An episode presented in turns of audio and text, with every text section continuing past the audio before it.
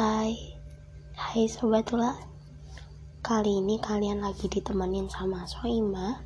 Soimut manis dan ramah yang bakal membuka episode kotak pos yang pertama. Kali ini gue kedatangan klien. Yang namanya kita samarin aja kali ya. Gimana kalau kita buat Kak Ali? Oke, kita mulai episode ini dengan cerita Kak Ali. Sebelumnya, gue mau bilang terima kasih. Terima kasih udah denger podcast ini secara berkala. Makasih udah ngikutin program kita buat terus bertahan di sebuah keadaan yang ya sesulit ini. Makasih loh.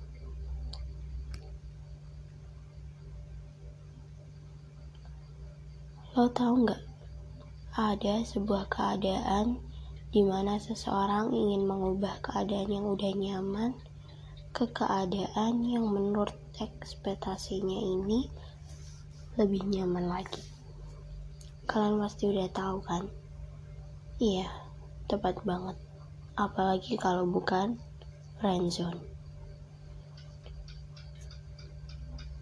Jujur, gue paling sebel ngambil tema ini. Ya karena gue belum pernah ngerasain friendzone yang emang bener-bener friendzone iya bener-bener harus lebih belajar. Tapi yang gue tahu hati itu ribet banget ya. Padahal jatuh cintanya tuh sesimpel itu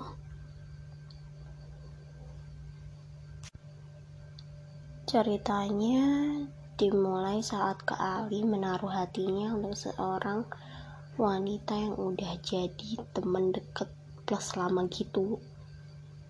Perasaan yang tumbuh seiring waktu karena kebersamaan itu yang dirasain Kak Ali karena kalau dia makin sering dan deket sama satu wanita itu.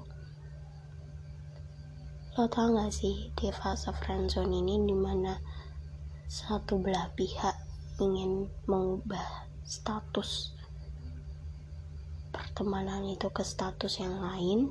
Artinya uh, mungkin lebih dekat lagi keberaniannya tuh bakalan menciut di saat nginget kalau wanita itu cuma cuma nganggep dia temen.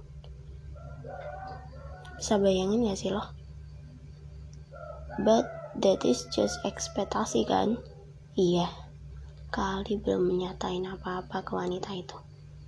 Emang itu resiko friendzone mau gak mau kalau hubungan friends lo gak mau hancur lo harus mundur dari circle itu.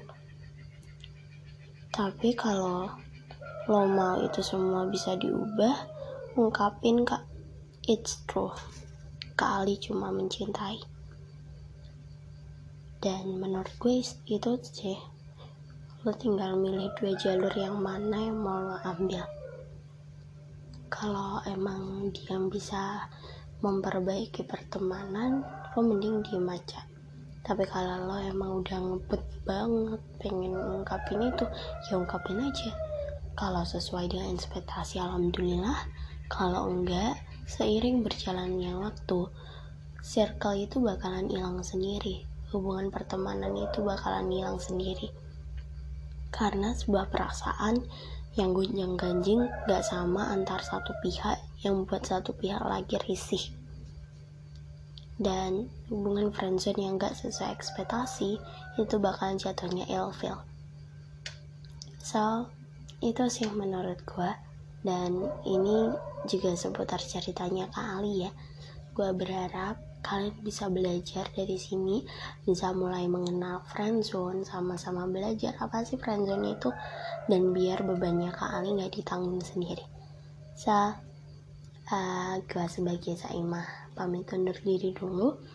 Makasih udah dengerin podcast kotak pos episode pertama.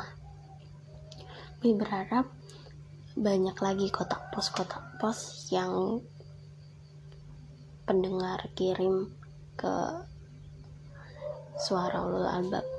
Emailnya ada di bio ya.